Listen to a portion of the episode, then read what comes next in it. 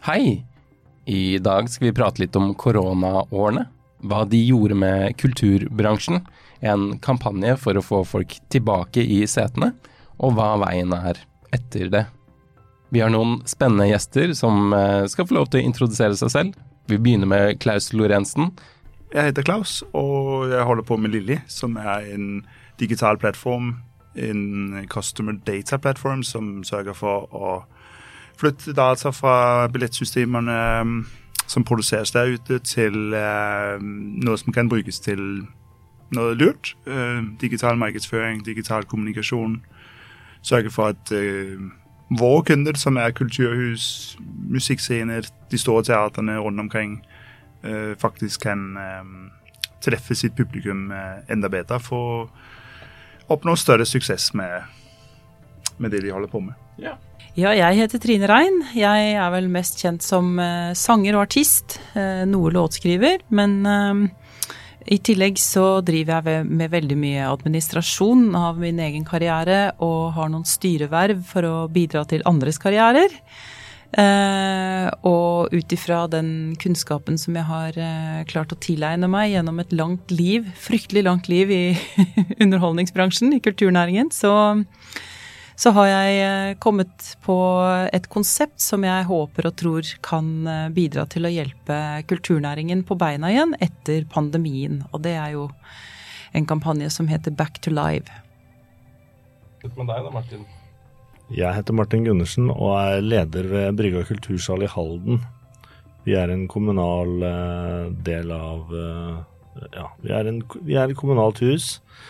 Og så har vi en misjon, og det er å sørge for kultur til folket. Og det er en bredde, da, alt fra litteratur og teater til uh, konserter av ymse art. Pluss uh, seminarer og alt mulig. Og vi har holdt på siden uh, 2008.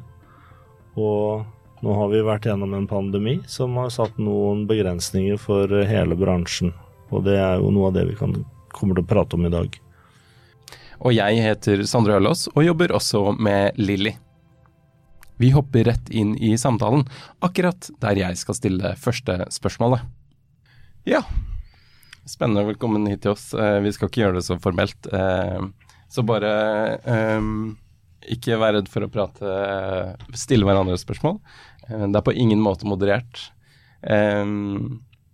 Så ja, og det vi håper på er egentlig å skape den, liksom, den gode diskusjonen mellom ja, mellom, vi som, mellom oss som er her. Um, fordi vi vet jo at, vet jo at vi, hver av våre Nå har vi jo representert med liksom tre poster innenfor eh, musikkindustri, live, underholdningsbransjen. Um, vi har Trine som er artist, og du som driver en kultursal, og, og vi som leverer et, annet, et teknologiverktøy til, hovedsakelig til musikkbransjen, eh, eller live-underholdningsbransjen. og vi har jo opplevd f.eks. de siste to årene på veldig forskjellige måter. Um, vi har forskjellige erfaringer, men uh, forskjellige refleksjoner kanskje også. Uh, og det er litt det vi skal prøve å, skal prøve å finne ut uh, av i dag. Og hva, hva, hva, er det vi har lært, og hva er det vi kan bruke framover? Uh, F.eks. i, i din kampanje, Trine. hva er det du trenger fra oss, eller fra Martin? Hvordan kan vi best samarbeide for å få det til, til å gå rundt igjen? Fordi alle vi har jo lyst til at, lyst at dette skal komme opp igjen, eh, sånn som det var, eller kanskje enda bedre, til og med. Mm. Ja, vi har jo veldig samme mål, tror jeg, alle sammen, og det er å få i gang kulturnæringen igjen. Få publikum til å oppsøke kulturarrangementer, kjøpe billetter, glede seg over kunst og kultur. Eh, og eh, alle disse tre, får man kalle det plattformene som vi representerer, er jo på hver, hver, vår måte avhengig av å få i gang kulturnæringen igjen.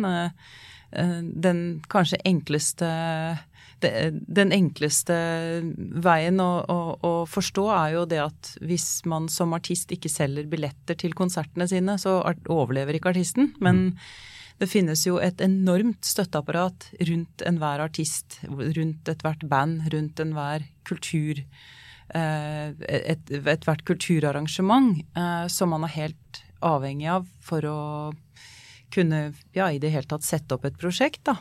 Eh, og billettene må jo selges for å holde liv i disse også. Mm. Mm. Kan du, har du lyst til å fortelle litt om, den, om kampanjen din, Back to Life? Hva du holder på med for tiden? Ja, altså bakteppet her er jo unektelig pandemien. Mm. Den kom jo uh, veldig brått på når den først kom. Og uh, 12. mars 2020 så stengte Norge ned. Og da stengte alt, alt av kulturarrangementer på ubestemt tid ble avlyst. Uh, vi hadde ingen uh, sikkerhetsnett, ingen støtteordninger, ikke noe uh, system egentlig som fantes da Norge ble nedstengt for noen av oss. Altså ikke, ikke bare artister og band og, og skuespillere og uh, standup-komikere og sånn. Ikke bare utøverne, men også hele dette apparatet bak med billettplattformene, med kulturhusene, pubene, altså de, de, som jobber teknisk eh, i eh, Hva skal man si bak scenen. Lydteknikere, lysteknikere. Alle fagarbeiderne da, rundt et kulturarrangement. Alle som leier ut eh, musikkanlegg og lysanlegg og store rigger. Alle sjåfører. Og hvis du skal trekke det enda lenger, så, så kan man jo ta med cateringen, designere, makeupartister. Eh, reisetransport. Altså de som, listen ja, går så veldig langt, det, og det, det påvirker så mange deler av Ja. Det er virkelig et enormt apparat som skal til for å lage kultur. Mm. Så når, når, eh, alt av kulturarrangement ble nedstengt over natten, så var det fryktelig mye usikkerhet. Eh, null, null forutsigbarhet. Uh, og da startet jo en reise som ingen av oss trodde at vi skulle legge ut på da det skjedde. Uh, fordi at den uforutsigbarheten som vi hadde 12.3.2020, den fortsatte jo egentlig gjennom hele pandemien. Uh, med to forskjellige regjeringer så var det ingen av dem som egentlig klarte noensinne å komme i forkant og gi oss den forutsigbarheten som vi trengte med hva slags støtteordninger vi kunne forvente, når kunne vi søke på dem, når, skulle, når fikk vi en avgjørelse på tilslag eller avslag, og i, i, så fall når ble pengene utbetalt. Og det er jo fortsatt mange aktører som sitter med søknader som de fikk tilslag på i 2020, som fortsatt ikke har fått utbetalt uh, hele summen. Så um, det har vært enormt mye usikkerhet i bransjen. Mange har falt fra. Vi har mistet eh, over 30% av fagarbeiderne i kulturnæringen. Eh, og mange har vært nødt til å flytte produksjonene sine både tre og fire ganger. Mm. Eh, og så, når, eh, når, vi da nesten to år senere, eh, ett år og elleve måneder ganske nøyaktig, åpnet dørene igjen, altså alle restriksjonene forsvant, så forsvant også alle pandemirelaterte støtteordninger samme mm. dag. Og, var, det, var, det, da pandemien var liksom da, da, alt var over?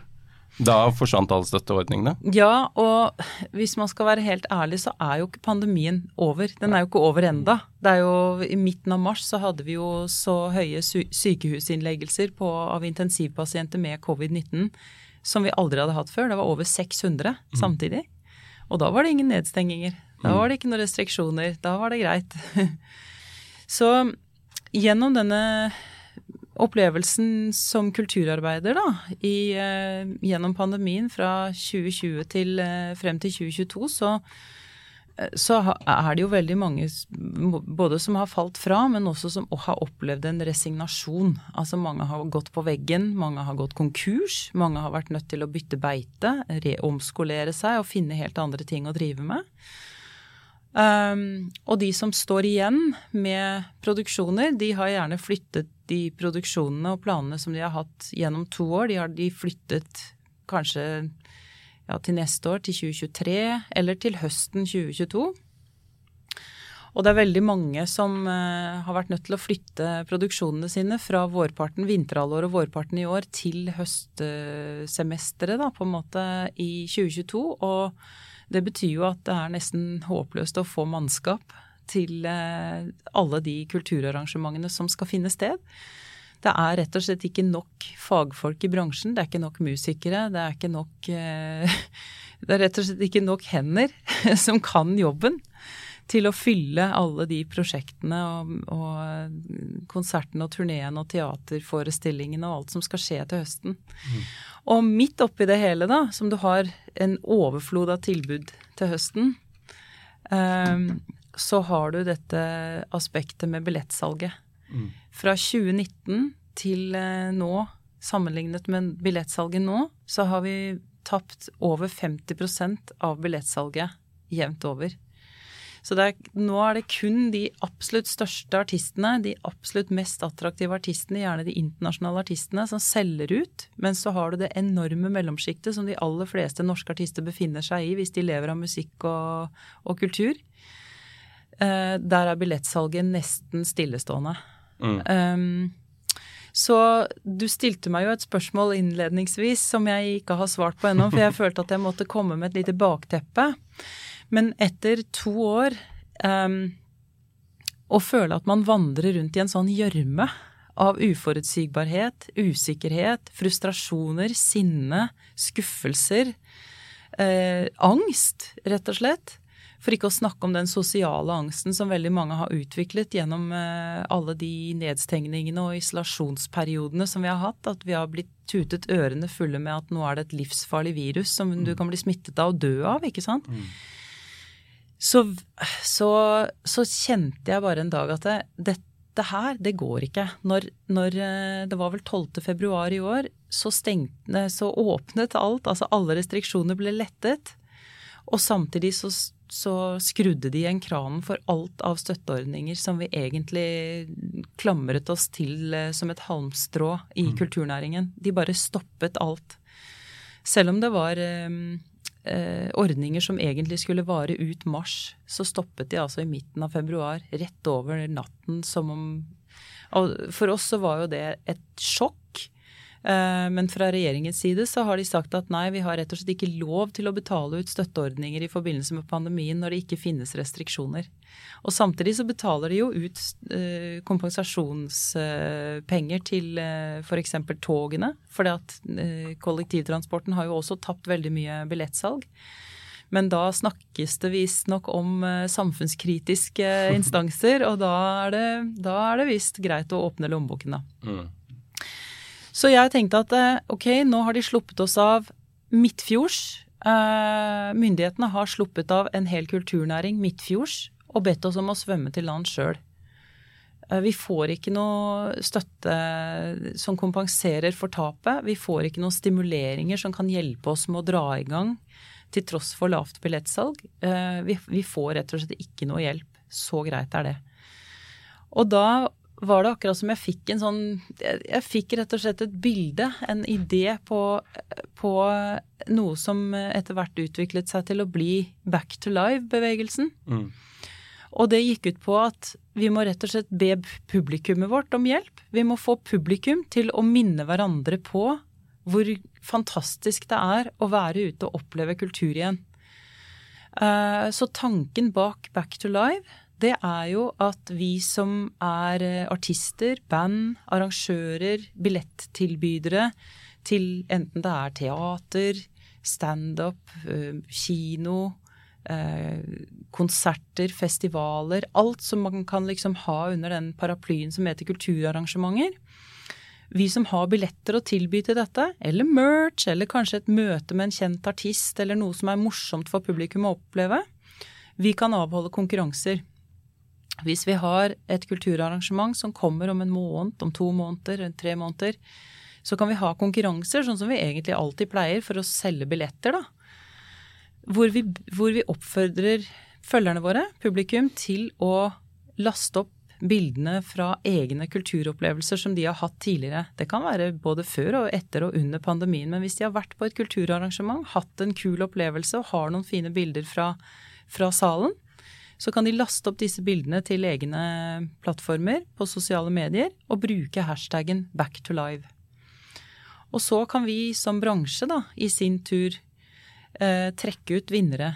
Og veldig ofte så er det greit å sende dem en direktemelding sånn privat og, og si eh, jeg har to billetter til eh, konserten til Claudia Scott, er du interessert? Fordi dette vil vi gjerne gi deg som takk for at du bidro til å markedsføre kulturnæringen ved å laste opp bildet ditt og tagge det med Back to Live. Og de aller fleste sier jo hipp hurra, jeg har vunnet to gratisbilletter til en konsert, liksom. Hvem vil ikke ha det? Og da kan man også spørre dem om eh, vi får lov til å bruke det bildet som de lastet opp med Back to Live, for å vise andre følgere at se her, nå, nå vant denne personen to billetter fordi at de har hjulpet til med å vise hvor hyggelig det er å gå på kulturarrangementer. Eh, og sånn kan vi på en måte bygge opp en bank med disse bildene fra, fra publikum, altså som viser liksom tilbake Det kan være en konsert de opplevde i 1985 som de ikke har glemt, ikke sant? Men det kan også være en mye nyere konsert. Eh, en artist som de ønsker å oppleve igjen, eller hva som helst. Det kan være bare, hovedsaken er at de viser frem hvor gøy det er å være på kulturarrangementer, og bruker hashtaggen back to live. Så da får vi denne banken med potensielle vinnere, etter hvert som vi holder konserter, nei, unnskyld, etter hvert som vi holder konkurranser, så har vi denne banken å hente ut potensielle vinnere fra, da. Spennende. Mm. Martin, vi har jo snakket litt eh, om eh, hvorfor ikke folk går på, eh, går på konsert lenger. Ja, hvorfor folk ikke kommer, og hva man må prøve å unngå. Hva syns du om, om denne konkurransen? Kjempeidé. Og eh, noe av det Trine snakker om, dette med konkurranser, det er jo vanvittig populært eh, hos oss på våre sosiale medier. Eh, det som skjer når du legger ut en konkurranse, er jo at du kan gi bort to billetter, men det genererer normalt sett, i en normal setting, så genererer jo det et veldig stort salg av billetter til den konserten du eventuelt har gitt bort billetter til. Mm. I den tida som vi er i nå, så er man litt sånn i villrådet, fordi som Trine sier, en del av de store artistene selger fulle hus. Vi har nå til fredag f.eks. fullt hus med Bjørn Tomren. Han har hatt uh, Stjernekamp eh, i ryggen, for å si det sånn. Folk som har vært med på hver gang vi møtes, uh, ser man ofte selger enda mer enn de gjorde før de har vært med på det. Sånn som vi har hatt flere av de artistene før og etter, og ser en markant forskjell. Men i denne tiden så er det så enkelt som at du kan bruke 50 000 kroner på å markedsføre en konsert, og så genererer du ikke en ekstra billett i det hele tatt. Og da blir man litt sånn Hva skjer da? Ikke sant? Og det der er ikke så lett å svare på, men det fins kanskje noen slags svar, og det er jo sånn I pandemitiden så har vi ikke hatt mulighet til å være sosiale. For det første som skjer i en krisesituasjon ofte, det er jo at man nettopp søker sammen. Altså, ta de harde 30-åra i USA f.eks. Da søkte man sammen faktisk på kino. Mm. Det, det som skjedde i USA den gangen, var at westernfilmen fikk et enormt boost fordi at man assosierte seg da med den hvite helten i filmene, og staten var den, den svartkledde skurken, ikke sant. Og det gjorde at filmen fikk et løft. Men når du da ikke kan samles sosialt heller, så er faktisk menneskets neste, neste trekk er jo faktisk at du bare glemmer å være sosial. Mm. Alle har lyst til å gå ut og ta seg kanskje en, en kaffe eller en øl på en restaurant, men den der biten med, med konsert, teater og sånn, den er litt sånn ikke til stede hos mange. Eh, for det må, det må forklares et eller annet sted. Men det vi også har gjort i pandemien, det er at vi har brukt uhorvelig mye penger på å pusse opp huset, kjøpe båt, kjøpe bil. Eh, vi har ikke reist, så vi har hatt penger på konto på et vis, da. Så vi har brukt heller på hjemmet. Og når det da åpner opp, så har man, har man det veldig godt hjemme i sofaen. Eh, det kan være en slags forklaring. Og så har rentene gått opp. Alle prisene har gått opp. Folk er litt usikre på veien videre. Veldig mange har jo vært arbeidsledige, ikke bare musikerne, men folk har jo blitt permitterte. Men man har det jo godt i Norge likevel. Mm. Eh, altså Man blir ivaretatt ved Nav osv.. Men jeg prøver å finne en forklaring på hvorfor de ikke selger billetter, og den er ikke så lett, men dette kan være noe med å forklare hvorfor det er sånn. Og så er det en viktig ting, da. Tog, selger billetter, ikke selger billetter, det er sånn slags samfunnskritisk greie. Men kultur er jo ikke det, selv om vi som jobber i kulturlivet mener at kultur er faktisk helt livsnødvendig, og det er helsefremmende å gå på kulturopplevelser. Det har man jo gang på gang vist. Altså, det er en grunn til at det finnes uh, musikklovner på sykehusene Mm. for å få, få barn friske. Mm. Det er en grunn til det. Ikke sant? Eh, all forskning viser at de stedene som har kultursatsinger, er attraktive steder å flytte til. Eh, så så det, det må jo ha noe å si, det å drive med kultur. Men det er jo veldig påtagelig da, når samfunnet åpner igjen. Så skal man jo gjerne gjøre det med brask og bram, og da er jo de første de ringer til, er jo kulturarbeiderne. Mm. Kan dere liksom krydre vårt arrangement med en åpningslåt, med et pausenummer, med en avslutning, med en eller annen shabang, ikke sant, på slutten? Så, så vi skal jo på en måte være som sånn troll i eske. Vi skal bare pakkes bort når ikke det er behov for oss, eller vi, liksom alt er nedstengt. Og så skal vi på en måte være klare med, med kostyme og alt på stell i neste øyeblikk over natten, ikke sant? Uh, så jeg vet at det er veldig mange kulturarbeidere som har uh, tenkt litt sånn Fy søren, jeg skal vise dere hvordan det, hvordan det, oppleves å ikke ha kultur. Vi skal bare ha en sånn gjensidig boikott av alt. Vi sier nei til alt.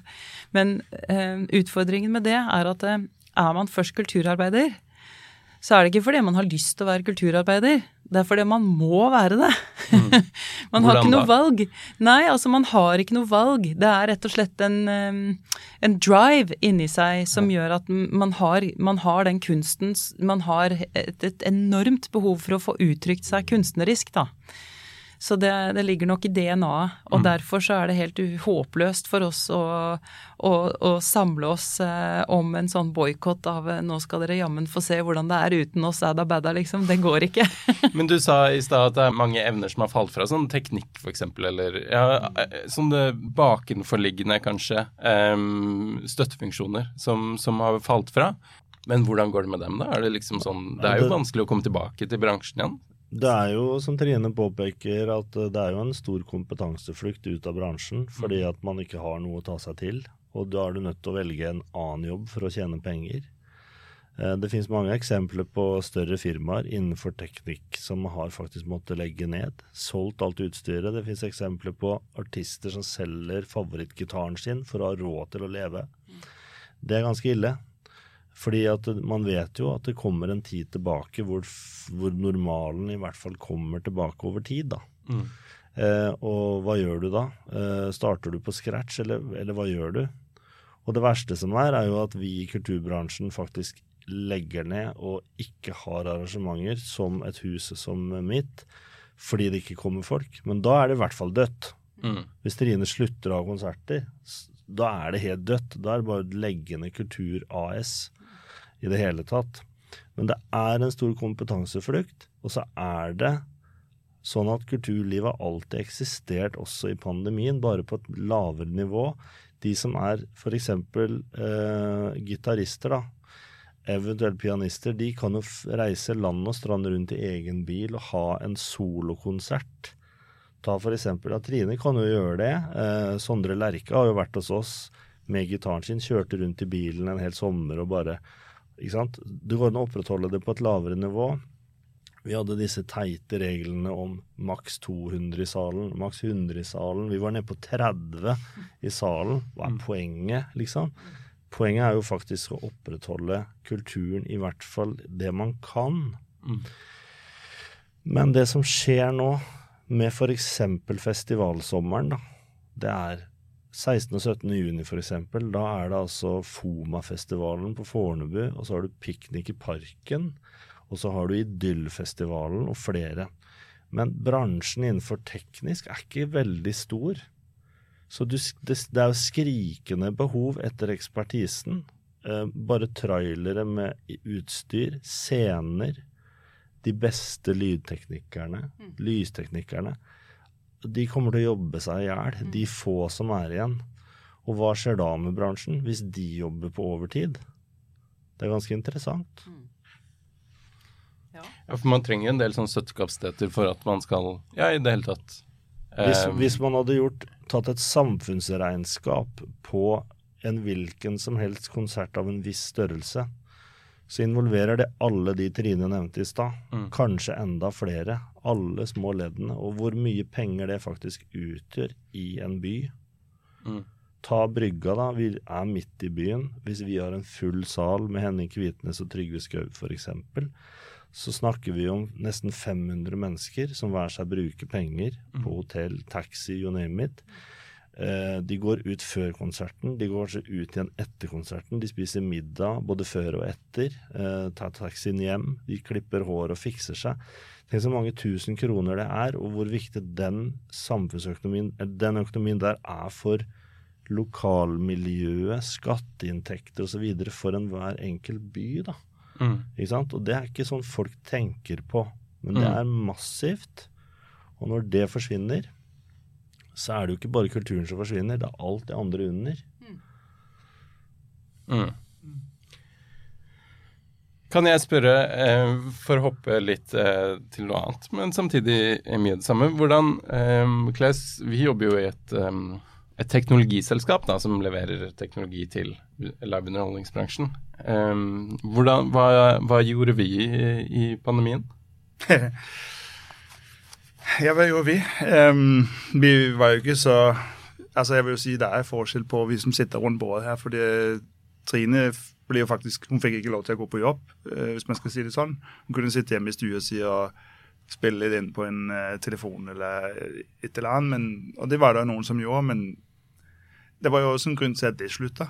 Um, vi var jo lege i Martins situasjon. Han måtte jo stenge salen sin og ble sikkert satt til å male vekker og pusse opp. Eh, Vi, men vi var jo også i en situasjon der hvor vi plutselig kom egentlig ganske mye under press. Fordi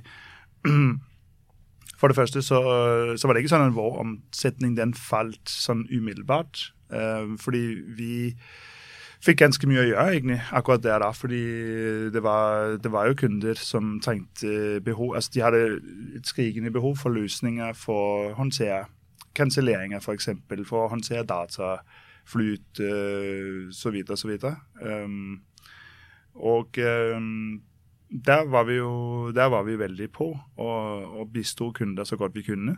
Og så eh, var det også sånn at eh, de kundene som, som holdt det, jo, det var jo noen kunder som eh, kulturhusene og teaterne videre, som, som hadde travelt med å flytte på konserter. ikke sant? Det skulle jo flytte, som du sa. eh, 2020-konsertene blir først flyttet til 2021. Eller kanskje blir det først flytta til høsten eh, 2021 eller 2020. og Så blir det, så det har vært så mye sånn ekstremt mye ryttearbeid som vi eh, jo ble veldig involvert i. Og så Ja. Så samtidig så sitter vi jo med, med frustrerte eh, ansatte og altså kunder av oss eh, som sitter på Martins Stort sett Martins eh, hva skal man si eh, nivå, eller jeg skal si, hens ansvarsområde. Vi, jo, vi jobber ikke så mye direkte med artister, men, eh, men eh, det var jo folk som plutselig så var de permittert. og så var det så fikk de ikke gjort mer. ikke sant? Og da, eh, så vi kjente jo veldig på den frustrasjonen og hele den merkelige situasjonen det var. Det, jo, det har jo vært et paradoks under denne nedstengte tiden at uh, kulturhus, uh, sånn som dere, Ticketmaster og andre billettselskaper, har jo hatt ekstremt mye å gjøre. Fordi det har vært så mange endringer. Uh, F.eks. fullsolgte konserter som du deler opp i tre stykker.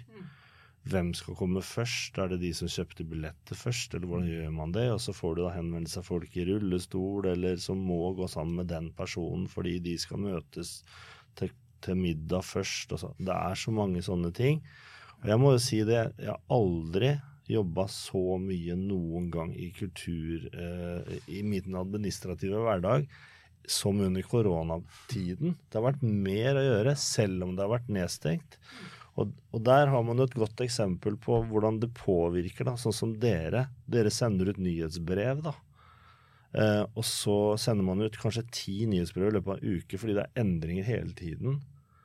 Og, og tenk deg å stokke de kortene der. Og så får man i ettertid vite at det, ja, det var nok litt strengt med de tiltakene vi hadde. da føler du at det er ganske irriterende. Og, og støtteordningene som ikke, ikke fungerer, hvor vi i kulturbransjen føler at vi ikke blir hørt For det har vi faktisk ikke blitt. Vi har ikke blitt hørt. Kompetanse, altså Trine burde jo sitte og si til folka i Kulturrådet og si hei, sånn her funker det. Sånn her funker det ikke. Og så får man tildelt midler og tre artister som søker om akkurat det samme. Én får og to får ikke. Det er sånne ting. Det er veldig rart. Ja, og det, det her med kompensasjon altså vi, vi øh, Som sagt, vi, vi, vi hadde en øh, periode der hvor vi, vi Man kan si eh, våre direkte inntekter på Lilly, altså på overføring av data. Eh, for det er jo det at vi tjener våre penger i bransjen sånn sett. da. Den gikk jo ned til null etter, ja. etter en måned. For da var det ikke flere billetter som var i salg. Og så kom det jo opp litt når dere da kunne selge 30 billetter til en konsert. Men vår inntekt ble jo desimert. Men allikevel så jobbet vi jo veldig for å holde et høyt servicenivå. Og Det betyr også at i de to årene bransjen, eller pandemien har vært, så har vi jo prøvd å levere en, løsning og et tjenestenivå øh, og holdt det nivået der hvor vi mener det skal være. Og hvor det egentlig har innebært mer jobb for oss, fordi det har vært en masse til og fra. Og, men inntekten vår har jo vært nesten lik null på en måte. Vi, og det føler vi også har vi altså vært en investering vi har gjort. Og vi har sagt at um, Eh, det, det, hadde sikkert vært en, det var jo fristende å tenke kan vi finne noe kreativt her vi kan gjøre det for uh, å få uh, gå fra en transaksjonsbasert modell til å gå på en lisensbasert modell. Men, men, vi holdt oss fra det. Fordi at, uh, jeg var redd for langs, altså, den langsiktige effekten av det. Mm. At, man, at, vi skal utnytte en pandemi hvor vi ser at våre inntekter går ned, men hvor også deres inntekter går ned. Så tenker vi ok, men vi blir her. Mm. Og vi tar den smellen, og så får vi prøve å dekke det holdet med noe annet. da. Men, eh, men det har vært en, en, en, en, klar strategi for vår side. da. Mm. Men hva Og jeg tror Ja, vi er jo alle enige om at korona var, var en, en, kjedelig tid. Um, som kanskje burde blitt håndtert på en annen måte. Um, men uansett så sitter vi her nå. Um, og vi er liksom i en sånn halvveis post koronaperiode der uh, ingenting egentlig Ja, billettsalget er fortsatt nede. Fortsatt, uh, fortsatt en smitterisiko og ting man kan tenke på, kanskje. Um, det er mange ting som ikke er på stell. Hvordan kommer vi oss tilbake?